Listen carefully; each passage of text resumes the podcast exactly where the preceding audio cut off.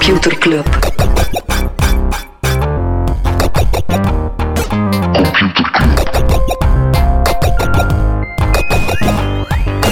Computer Club. Hey Smolly, Hey Freddy, welkom, welkom terug. welkom. Welkom bij Computer Club, een wekelijkse podcast over technologie. Iedere aflevering selecteren Freddy en ik een interessant artikel en presenteren we een feitje. Iedere aflevering opnieuw denk ik, ga ik het wel juist doen in de intro. Is dat? Ja? Ja, dat is mij ook wel. Het zit zodanig hard. Ik mag gewoon niet te hard concentreren op wat ik vertel. En ik heb dan nog het makkelijk. makkelijke stuk. Ik heb gewoon de welkom, welkom terug. Maar ik heb het gevoel dat we de welkom, welkom, dat ze het- De intonatie moet altijd een beetje anders zijn dan mensen Voilà, voelen voilà. dat het echt is. Freddy, waar gaan we het niet over hebben deze week? Ehm, nieuwe product of nieuwe, nieuwe dienst van Zoom. Eh, Zoom as a service. Nee, het is te zeggen, Zoom eh, heeft een nieuw programma en dat is hardware as a service. Waarbij dat ze eigenlijk zorgen dat ze, bijvoorbeeld Zoom Rooms, dat ze eigenlijk de technologie kunnen leveren om de meeting room ook volledig eh, uit te rusten met de juiste schermen. Maar dat is juiste effectief hardware. eh, Ja. Dus Zoom komt naar je toe en installeert een beamer. Eh, ja, of, of inderdaad in meetingruimtes gewoon zorgen dat dat dan een goed scherm is en dat er juist de microfoons hangen en, en de Maar dat zal geluidskwaliteit. waarschijnlijk toch alleen maar in de buurt van Californië of zo zijn. In Het is, instantie. eh, en initieel was het al enkel in de VS en nu rollen ze het internationaal uit. Dus het is eigenlijk hardware die goed samenwerkt met Zoom. En het is ook zo- een soort sub- subscription model, dus je leest eigenlijk dan die, die Misschien dat dat technologie. wel interessant kan zijn voor Barco. Als zij zeggen, van, we gaan die mannen even contacteren, dat zij hier in Europa kunnen eh, partner worden. Ja, ik zou dan denken dat het misschien eerder een bedreiging is voor Barco. Het feit Ja. dat Zoom nu ook wel echt die fysieke meetingruimte ja, begint te absoluut. pakken. Ja, ik heb het altijd al gezegd, ClickShare wordt vervangen door Zoom. Dat dat gewoon hetzelfde principe is. Eh, niet hebben over, ja, KBC Mobile heeft toch wel het eh, technieuws van het jaar gebracht. Er komt voetbal in KBC Mobile. Ja, ik denk niet dat we al meer comments op een, eh, een stuk in het clubhuis gehad hebben als, als meningen over of dat, dat dan Ja, het beste idee ooit is of compleet van de pot gerukt. Dus voor wie dat er niet mee is, de mensen die KBC Mobile hebben, die kunnen voortaan aangeven van dit is mijn favoriete voetbalploeg. En dan het weekend krijgen ze, als er een match gespeeld wordt door die ploeg, korte video's te zien als er voor de goal valt of een belangrijke actie geweest is. Ja? Dat is... eh zijn- Enerzijds zou je kunnen denken, die mensen hebben gewoon geld te veel, want die hebben gewoon de rechten uitgekocht van de Pro League voor de komende vijf jaar. Ja, want normaal is dat een contract dat HLN bijvoorbeeld Ja, pakt, omdat bijvoorbeeld. dat, dat trekt superveel traffic. Hè. Meteen, na de, Ja, ja. meteen na de match de highlights kunnen tonen, Ja. daar gaat het over. Dus pessimisten zeggen, KBC heeft gewoon geld te veel, weet niet meer wat ze nu moeten doen. Optimisten zeggen, ah, er zit een gigantisch slim idee achter over eh, ofwel data of retentie, van we gaan de gebruikers zoveel mogelijk in die app houden. Of, ik weet zelf nog niet goed, is het gewoon spelerij of zit er echt wel een strategie achter die bijvoorbeeld leidt naar de verkoop van tickets Voilà, of whatever. Ja, ik denk dat de strategie is gewoon de super-app hebben. Ja. En inderdaad, dat, dat, daarmee, dat je er daarmee wel mensen aantrekt enzovoort. Waarom voetbal dan? Ja, ik weet nu ook niet of dat de stretch richting entertainment, of dat dat nu één is dat ik zelf zag komen. Mhm. Eh, maar ja, het is duidelijk dat ze inderdaad... Ergens vind ik het wel cool, eh, los van inderdaad de challenges op vlak van UX, en zit er wel Mhm. nog een visie achter, maar zo... Ja, we zeggen altijd van, eh, in het buitenland, bij Silicon Valley proberen ze dingen en proberen ze platformen, en dan hier houden we het altijd wat braaf. Oké, ze zijn hier wel Ja. duidelijk een platform aan het proberen creëren, en wie weet gaan ze dat wel ontdekken, wat, wat wel en niet werkt. Het is zo'n ding waarvan je denkt op voorhand, ik had dit nooit verwacht. En nu dat er is, denk ik zelf als gebruiker, gewoon chill, ik ga hem wel gebruiken. Zoals we zullen het zien. Heb jij nog niet hebben over? Ja, het, eh, het feit dat eh, TikTok, ja, dat blijft toch wel de politieke speelbal. Eh, toch echt wel meer en meer stemmen in de VS die zeggen, ja, Chinese social apps, we gaan het Mhm. verbieden. In India waren ze ook al offline gehaald. Ook, ook daar gewoon als speelbal van een geopolitiek conflict. Ehm, ik ben ook door een elfjarige aangesproken die zei, ja, het schijnt dat ze TikTok gaan verwijderen. Dus Heeft een elfjarige jou daarvoor aangesproken? Ja, het was een elfjarige dat ik ken, voor alle Oké, duidelijkheid. Het was niet zo'n random elfjarige, want ik weet niet of dat we bij die doorroepen. Nee, dus het, het, het, het gaat wel. En ehm, in een vreemde turn of events heeft Amazon naar al zijn medewerkers gezegd van Ja. als je op je telefoon je mailbox staan van Amazon en TikTok, verwijder dan TikTok. En dan hebben ze na twee uur die mail zo wat gebacktracked. Hebben ze gezegd van nee, eh, laat maar. En Wells? Fargo, een grote bank, die hebben wel gezegd aan employees van delete de app. ehm, en die hebben die instructies niet teruggetrokken. Dus Het is echt, hoe kritischer dat tieners op Twitter over Trump worden, hoe kritischer dat Trump over die app wordt. Het is toch echt zo de, de, de app waar de K-pop fans en dat soort tieners zeggen van we gaan gecoördineerde acties tegen Trump. Pas, op, pas op, de, de app is ook, een, is ook technisch wel een ramp als het gaat over privacy. Er Mm. zitten daar echt wel een paar zaken eh, helemaal niet oké. Maar voor de rest is het ook gewoon duidelijk van oei, plotseling is een, eh, een app die niet uit het westen komt, Ja. populair bij onze, onze jongeren. Dus eh laten we dat vooral heel hard daartegen gaan. Alright. Als we het hebben over privacy, Google heeft een boete van maar liefst 600.000 euro gekregen van de gegevensbeschermingsautoriteit. Omdat er één in Belg geklaagd heeft van, ja, je hebt normaal het recht om vergeten te worden, heet dat dan. Het is eh, iemand, ja, de naam staat er natuurlijk niet bij, ha, privacy, Ik ga Eh. wel eerlijk zijn, ik heb hem wel al proberen opzoeken, ik heb hem niet. gerend de politicus is. Want het is iemand die verbonden is aan een politieke partij, zeggen ze. Of Ja. als je zoekt op Google, dat erop komt. En het zou gaan over het feit dat er een aanklacht was Ja. wegens pesten, maar die aanklacht zou dan ongegrond zijn. Ah, het is Siegfried Brakke, weet het allemaal. Is het Eh, echt? nee, ik weet het niet. Maar er was deze waarom ik dacht van iemand die het de moeite vindt om daarvoor naar de gegevensbeschermingsautoriteit te gaan. Ja, dus, maar 600.000 euro is nog altijd een pullenschil voor Google. Ja, maar als het gaat over uiteindelijk één individuele case, Ja, ja, het is zo geen class action van we komen op voor alle retailers Mhm. omdat je Google Shopping hen kapot maakt. Het is gewoon één aanklacht. En En, wie voor gaat één dat geld dan? aanklacht is... Ja, dat is een goede vraag. Gaat er naar, die, naar individu of naar... eh, Oké. Oké, Zwat. Smolly, dus jij klaagt mij aan voor pesten, wat natuurlijk onterecht is, want ik zie graag. Dat komt natuurlijk in de media, for Mhm. obvious reasons. Hè, van wow, een- breuk in computerclub, eh, kan het? Eh, blijkt dan ongegrond. Ik, eh, Google haalt dat niet offline. Ook 300.000. Ja, we doen dat. hè. Ik dat een goede deal. Het is goed. Voilà. Freddy, nog ander nieuws. Eh, Starlink internet, dat van Elon Musk heet. Internet met satellietjes die in een trein achter elkaar vliegen. Dat komt er nu effectief aan. Mensen die in beta zitten, eh, die moeten hun adres al doorgeven, omdat dat effectief eh, van, de, van de grond komt. Voilà. Heb je gezien van Elon Musk met zijn, met zijn elite, elite school dat hij nu opgericht heeft? Ja, zo specifiek een school, super duur, echt, echt voor de riches. Zo, Dus die, die man blijft toch zo bizarre. Dat is zoals de flexen keer dat hij de metro had uitgevonden, maar voor de hele rijke mensen.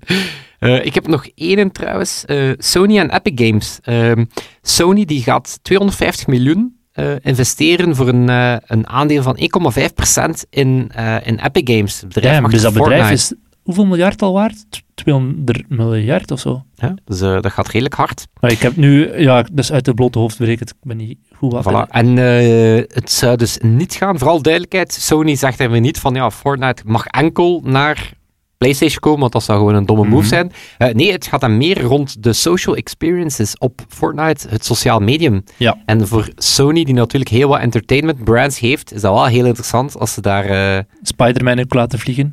bijvoorbeeld... Ja. Voilà. Als we het hebben over games, Linden Research is overgenomen door een investeringsgroep. En Linden Research moeten we kennen van... Eh, Second Life. Ja, dat is inderdaad de eigenaar van Second Life. Voilà. Misschien dat die investeringsgroep dat weer tot leven gaat willen pompen, maar eh, ik heb gewoon zin om de podcast te stoppen, gewoon omdat ik die laatste vraag goed beantwoord heb. Ik zou het gevoel van... We zitten op een hoogtepunt. eindigen op een high. Ja. Eindigen met de win. Nee, Freddy, nu beginnen we pas, want jij mag jouw artikel eh, toelichten. Ja, ik ben, eh, ik ben vorige week te snel geweest. Oh nee. Nee, ik had het eh, vorige week al snel vermeld. En ja, blijkt nu dat dat toch wel een groot topic is met, de, met beide Wat hoofdletters. is, wat is het? Ja, hoe moeten... eh, dus het ging toen over de, de nieuwe wet in Hongkong, waardoor dat Mhm. Hongkong iets minder onafhankelijk is en dat ja, het, het, het feit dat, dat de Chinese overheid daar nu toch ja, eh, dingen wel stevig aan banden kan leggen en Mhm. ook meer data kan gaan opvragen, bijvoorbeeld van sociale media of bijvoorbeeld vanuit datacenters. Ehm, dus het topic is dit, ja, hoe moeten die westerse bedrijven nu omgaan met het feit dat hun data in zo van die dubieuze landen staat? Ja. Eh, want de eerste reactie van eh, Microsoft, eh, Facebook, Twitter, Zoom, Telegram is van oké, we gaan het even verkennen. Eh, we gaan Mhm. even niet ingaan op eh, informatie aanvragen. En we gaan even afwachten. Maar dat is natuurlijk niet houdbaar, want de wet zegt dat je, als je actief bent in Hongkong, eh, dus waarover gaat dat? Eh, je hebt wellicht de actueel wel gevolgd. Ehm, nieuwe wetgeving in Hongkong, waardoor dat ja, subversieve meningen, eh, zoals dat dan eh, genoemd wordt, die kunnen nu harder aangepakt worden. Ehm, en daar staat ook in van, kijk, eigenlijk mogen zij een bedrijf die in Hongkong actief is, vragen om bepaalde informatie offline te halen of vragen naar informatie over de users. Eigenlijk mogen ze zeggen van, kijk, wij denken dat dit een dissidente stem is. Wij willen de locatie van de user, wij Mhm. willen de volledige historiek van de user. Eh, of als die berichten geëncrypteerd zijn, willen wij toch zien naar wie dat hij gestuurd heeft enzovoort. Um, ja, maar wat is natuurlijk het gevaar? Het feit dat dat nu de communistische partij is die meekijkt. Ja, eigenlijk kan, kunnen zij zeggen, eigenlijk kan Hongkong zeggen, kijk, wij denken dat die Duitse user, of wij denken dat die, uh, dat die Chinees die nu in Duitsland actief is, dat die betrokken is in een of ander terrorisme of, of protestgroep. Mhm. We willen daar gegevens over. Dus um, eigenlijk kan de communistische partij nu aan elk westers bedrijf dat ook maar actief is in Hongkong, of een datacentrum heeft in Hongkong, eigenlijk informatie opvragen. Zijn er al zoveel bedrijven die echt een datacentrum bestaan? Uh, Google, Oké. uh, Amazon, uh, Microsoft. Oké, ja, eigenlijk iedereen dus. Die hebben, daar, die hebben daar datacenters, want ja, inderdaad, het is wel een ding dat je ook datacenters dichtbij wilt. En Mhm. ook soms voor, voor, ja, voor de wet moet dat soms, dat je de data in het eigen land houdt. Ehm, trouwens, over Google is er nog, het, eh, nog een interessante voor straks. Is, er is een heel sneaky project van Google uitgelekt daarover. Oké. Daarover, kijk, kleine, kleine teaser. Ehm, nee, dus ja, Microsoft, Facebook, Twitter, die hebben er allemaal kantoren. Dus nu is de vraag, of de, de moeilijkheid is, ehm, gaan ze... Dus nu wachten ze tijdelijk af. Ze zeggen van, kijk, we zijn die wet aan het verkennen en echt zien hoe ver gaat dat. Maar dan is dat de vraag, ehm, als ze daar niet op ingaan, dan kiezen ze duidelijk voor de privacy van de users. Mhm. En dan zeggen ze, kijk, ja, wij gaan niet mee in eh, autoritaire regimes die zomaar eh, informatie... Of Mhm. Wij gaan niet in op censuurverzoeken, hè, wat dat dan in de praktijk zijn. Hè, van kijk, die info moet offline. eh. als ze dat doen, is natuurlijk, ja, dan, dan gaan ze eigenlijk in tegen de wet. Dus dan kunnen ze, ehm, dan mogen ze ofwel niet meer opereren in Hongkong. Ze kunnen offline gehaald worden. Hè, wat betekent dat de Great Firewall, hè, de grote Chinese firewall, dat die ook weer wat groter wordt. Hè. Dat kan Mhm. betekenen dat eh, sommige bedrijven zijn al gestopt. TikTok bijvoorbeeld. Ja, ik, ik vroeg mij, terwijl hij hier zegt, vraag ik me af, hoeveel inwoners heeft Hongkong eigenlijk? Wat bijvoorbeeld voor, voor TikTok Als dan effectief over, over een paar... Kijk, 7,5 miljoen. Ik denk, als heel groot bedrijf zeg ik, sorry mensen, maar jullie zijn nu ook niet zo relevant voor ons. Ja, Trek maar dat plan. toont wel tegelijkertijd dat je eigenlijk aan al die mensen die nu wel actief nog altijd aan het protesteren zijn, Mhm. dat je eigenlijk zegt, thanks, bye, Ja, niet belangrijk. ja, ja. Het is echt heel symbolisch geworden. Het is super symbolisch, is want bijvoorbeeld. TikTok stopt. En dan zou je denken, ja, misschien wel raar, want eigenlijk in wezen, TikTok, hè, ByteDance, daar zit een Chinees bedrijf achter. Ehm, maar ja, eigenlijk hebben ze daar toch amper iets te zoeken. We hebben daar minder dan 1% ehm, users en quasi geen revenue. Ehm, ze hebben ook een Chinese app, Douyin, Mhm. die daar heel populair is. En dit is duidelijk een poging van TikTok om het Westen te paaien. Om te zeggen van, zie wel, Ja. wij zijn geen Chinese propaganda Even een andere patch nog doen, maar met Douyin zit het er wel nog. Ja. Bijvoorbeeld Apple die heeft nog geen antwoord gegeven, want ja, die hebben, ja, die hebben wel 44 miljard dollar omzet in China. Die hebben een supply chain Mhm. in China. Ja, zij kunnen niet zomaar uit China verdwijnen.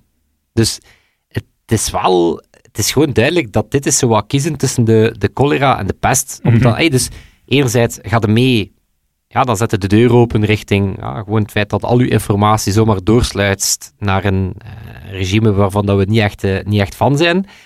Als je er niet in meegaat, dan zeg je basically, dan trekken we de deur achter ons dicht. Ja. Moeilijk, hè? ja, absoluut. Eh, ja, er wordt zo, ja, het, is, het, het valt me op. Dat, dus ik had het vorige week kort vermeld. En ja, nu zie je daar wel zo wat de, de, de, de opinies en de analyses over verschijnen. Maar niemand komt eigenlijk met: dit is nu de beste weg. Eigenlijk wordt er telkens opnieuw benoemd: ja, die zitten er echt wel gewoon. Ja, het is een padstelling. Het is dat. Ehm, en dan heb je het Google-project. Ja, inderdaad, hij zei het net. Google heeft iets speciaals en dat is... Ja, dus eh, is het toevallig dat het uitlekt? Het zijn, er zijn plannen uitgelekt ehm, voor een project en dat heet Project Isolated Region. Region. En dat is een project van Google Cloud, intussen opgeborgen. Ehm, bijvoorbeeld Google Cloud, hè, de, de, de Amazon Web Services en de Microsoft eh, Azure van Google, hè, zo wat de, de nummer drie, die zijn nog niet actief in China. Hè, dus die hebben, die hebben eigenlijk geen aanbod specifiek voor de Chinese markt. Ehm, waarom? Ja, dat zijn landen die, hè, for reasons, Mhm. nogal, eh, eh, nogal graag toegang hebben tot die data. Hè. Dus hoe, hoe doe je dat op een goede manier? Dus Project Isolated Region, hè, wat het ook zegt, is wat is Google Cloud specifiek voor landen zoals China, waar dat data politiek heel gevoelig ligt? Ehm, dat is eigenlijk een offering, het is eigenlijk wel louche. Is eigenlijk een offering die tegemoet komt aan landen die graag controle hebben over alle data in hun eigen land. Mhm. Dus dat is eigenlijk bijna een soort white-labeled Google Cloud, die dan mag geopereerd worden door bijvoorbeeld een politiek agentschap in dat land. En alle data mag dan ook vrij bekeken worden door die Zot. overheid enzovoort, Ja. zonder dat je daarmee in het gedrang komt dat de volledige integriteit van Google Cloud ter discussie staat. Dat is waar de Google die een oogje dichtknijpt en zegt, hier is al technologie, gebruik ze vooral. Het komt niet van ons. Mijn mondje Ja? dicht. Ja. Ja, dat is, inderdaad, dat is inderdaad dat je zegt van kijk, we hebben al die technologie voor militaire toepassingen en we beseffen dat dat gevoelig ligt, Ja. hè, om dat hier als Microsoft of eh, Amazon te gaan doen. Maar dit is een heel ander bedrijf. ja, we gaan even de andere kant op kijken. Pak het snel. Pak het snel, Ja. hè. We, we- we- je, je mocht er uw logo op zetten, ik overdrijf nu. Ehm, Ik ga ze iets vertellen dat gelijkaardigs is. Voilà, maar uiteindelijk zijn de plannen gestopt. ehm, omdat het ge- geopolitiek gewoon te gevoelig ligt. Ja, je voelt Mhm. ook wel aan, dit is, dit is letterlijk cateren naar China, Rusland, alle landen. Ehm, maar anderzijds, dus Google zegt, ja nee, nee, dit was gewoon een van de vele opties. En het is één die we niet gaan pakken.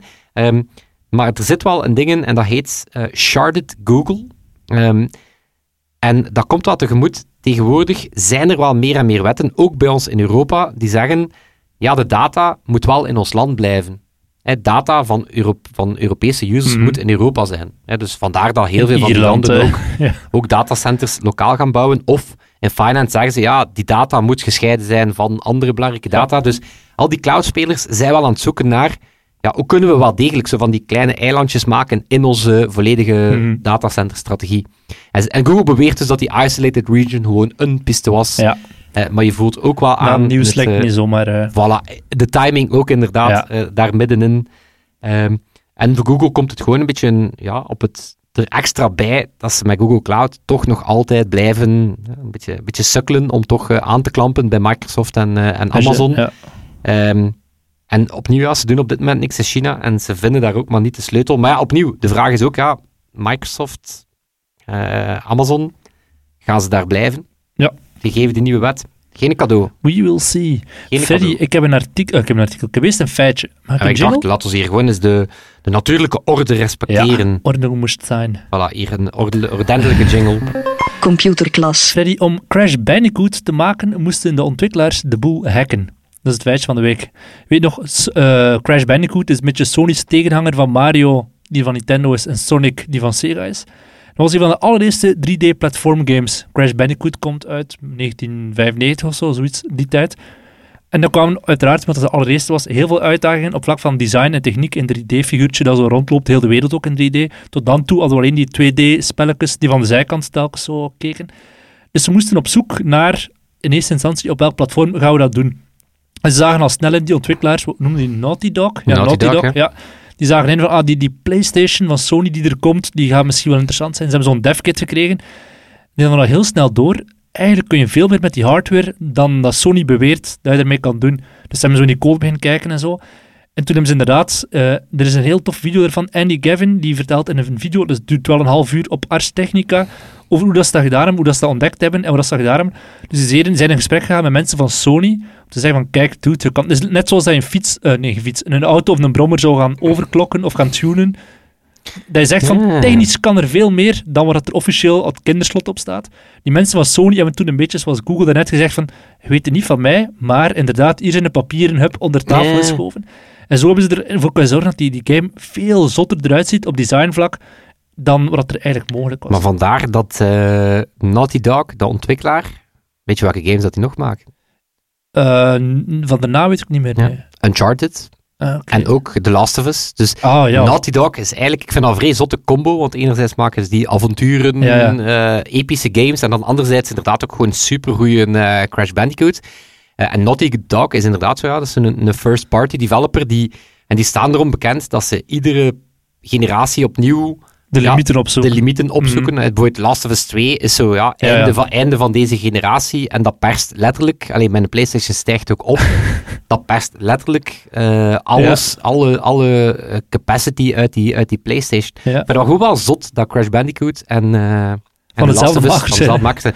Bijvoorbeeld in Uncharted is er op een gegeven moment zitten, ja, zit ze wat in uw zetel te chillen Mhm. met, uw, met uw lief. En dan kun je ook Crash Bandicoot spelen Maar op uw. PlayStation in de game. Zalig, super meta. Wist je, ze, ze wilden toen op dat moment, waren ze aan het zoeken van welk dier willen we eigenlijk als mascotte. Hey, want ze hadden inderdaad Sonic the Hedgehog. En, en ze, ze zeiden ook van, ah ja, Tasmanian Devil, de, cartoonfiguur. Dat is iets dat heel schattig is. Het is een, een heel echt dier ook, maar niemand weet wat dat is. Niemand wist op dat moment, toen dat, dat uitkwam, wat dat een Tasmanian Devil was. Dus ze hebben toen een gids gekocht met allemaal Tasmaanse dieren.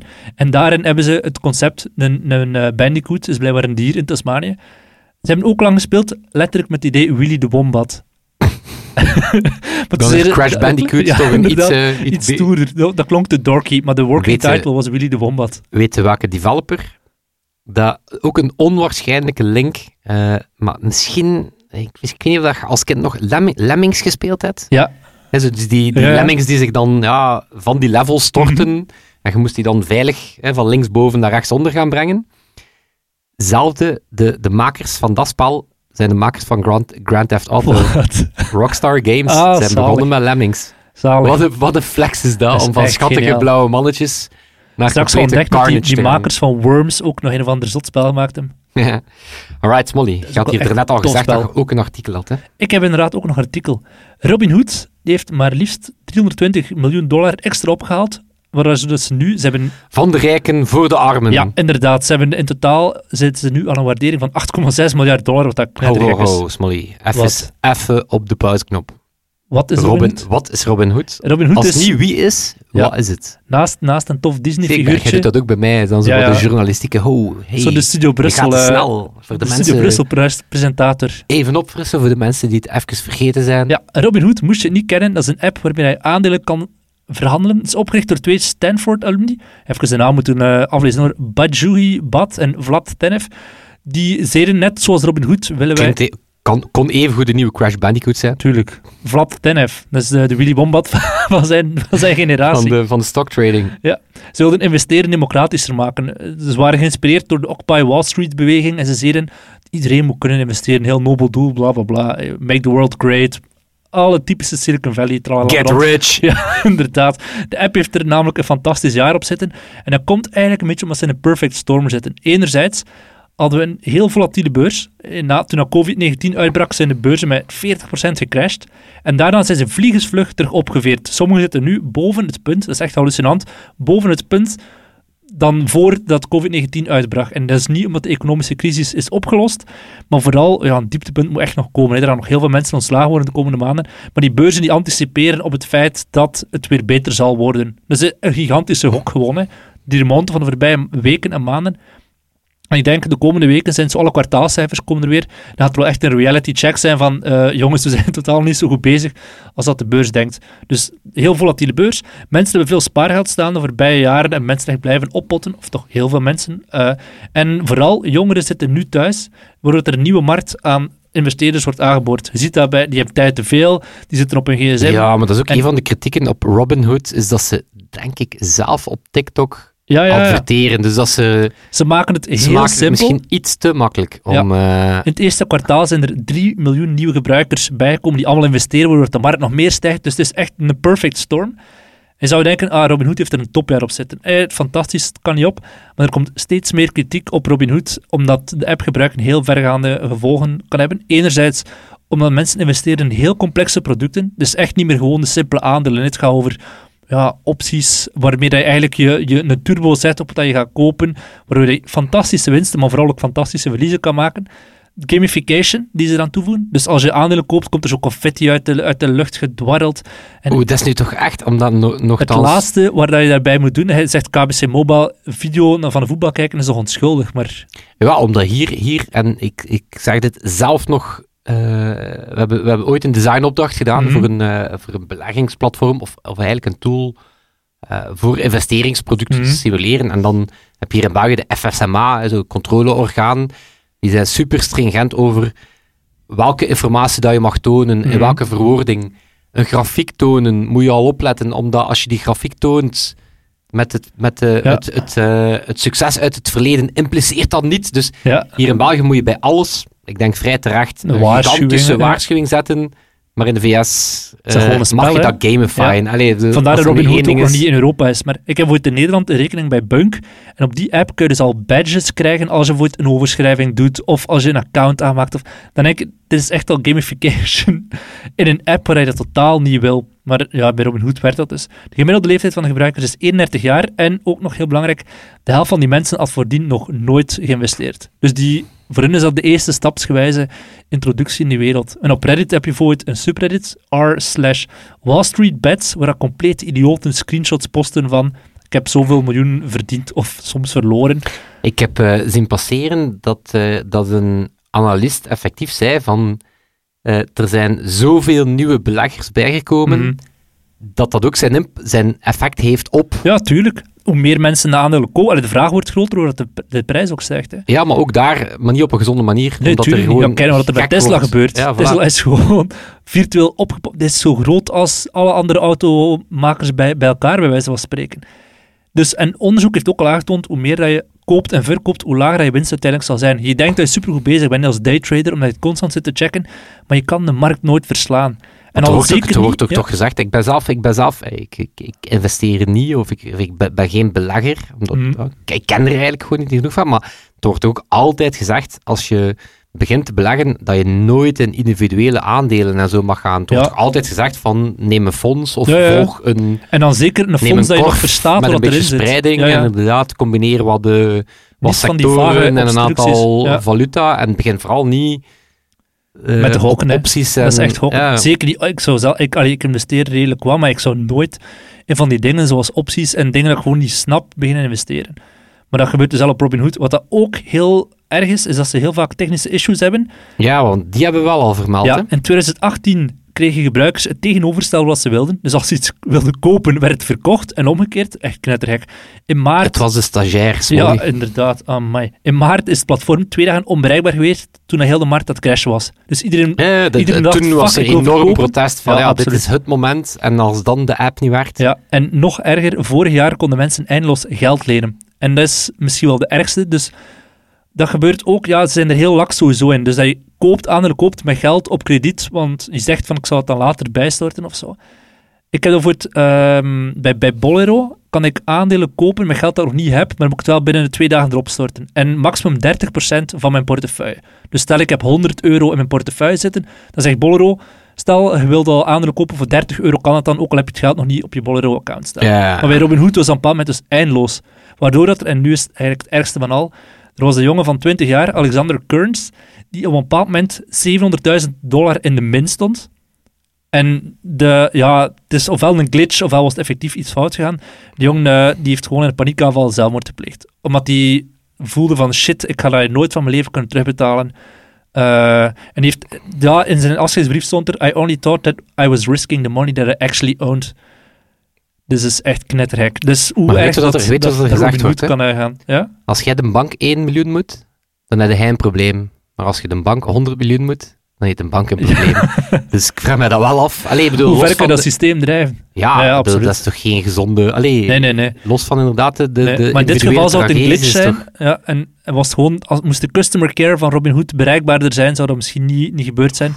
Maar er zijn echt wel dramatische verhalen als je op, op zoek gaat naar mensen die veel geld verloren zijn. Ja, maar ik had, ik had inderdaad ook al gezien dat er protest kwam, omdat ze, omdat ze echt naar jongere doelgroepen... Ja, ja. Het Het, voorstellen het, is de nieuwe, het is de nieuwe mobile game. Ja, ja. dat, Ashton Kutcher zei zelf, want het is precies dat je aan het gokken bent. En dat is, ja, ik had dat vroeger ook met Coinbase. Dat is zo makkelijk om bitcoins te kopen en verkopen. Dat ik bij wijze van spreken op toilet voor bedragen, een maandloon of zo, hè, dat ik gewoon met twee klikken, hup, koop, verkoop.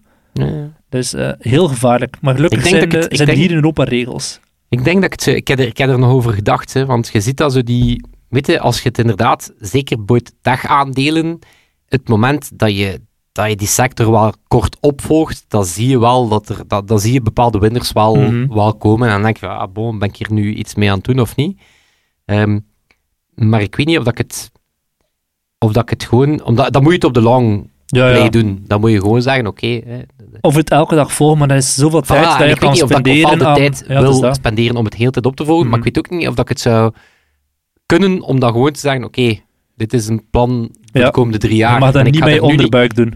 Ja, ik ga daar nu niet Ja, ja. bang zijn dat dat dan even wat daalt. Dus Ja. snap ik, ik denk gewoon niet dat ik het, zou- dat ik het, eh, dat ik het Nee. kan. Om het, om het recht zo persoonlijk... eh, dus ik, vind, ik vind het leuk, maar ik kan het gelukkig ook afscheiden. En ik weet dus niet met uh, geld dat ik anders nodig zou hebben, want dat doen mensen wel. Maar ik heb wel gemerkt, toen die crash er was in januari en februari, dat de meest wildvreemde mensen mij vroegen wat een uh, interessant platform is om te beginnen beleggen en zo. Iedereen voelde, dit is het moment, want alles crasht zo hard.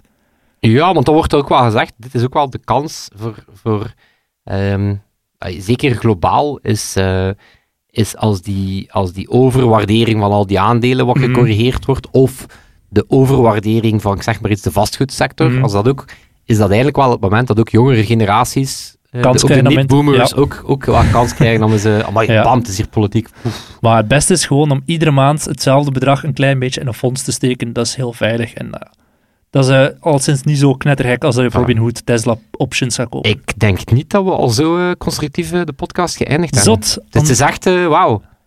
Freddy, als mensen meer van ons willen. Er is altijd meer van ons. Waar? Op Computerclub Online. Computerclub.online. Computerclub.online. Wat vinden we daar allemaal? Uh, wat vinden we daar allemaal? Uh, oh, dit is, uh, dit is nieuw. Vanaf nu zetten we daar ook de artikels waar dat we ons op baseren. Hè. Dus Ja. stel dat je zegt van, nou, oké, weet je, dat Project Isolated Region of die, die vreselijke verhalen van Robin Hood, ik wil daar wel eens meer over Of die lezen. video van uh, Ars Technica over Crash Bandicoot. Voilà, kijk, die zetten we daar allemaal op. En dan voor de rest, ja, wat wallpapers, wat coole merchandise. Het kan allemaal. Yes.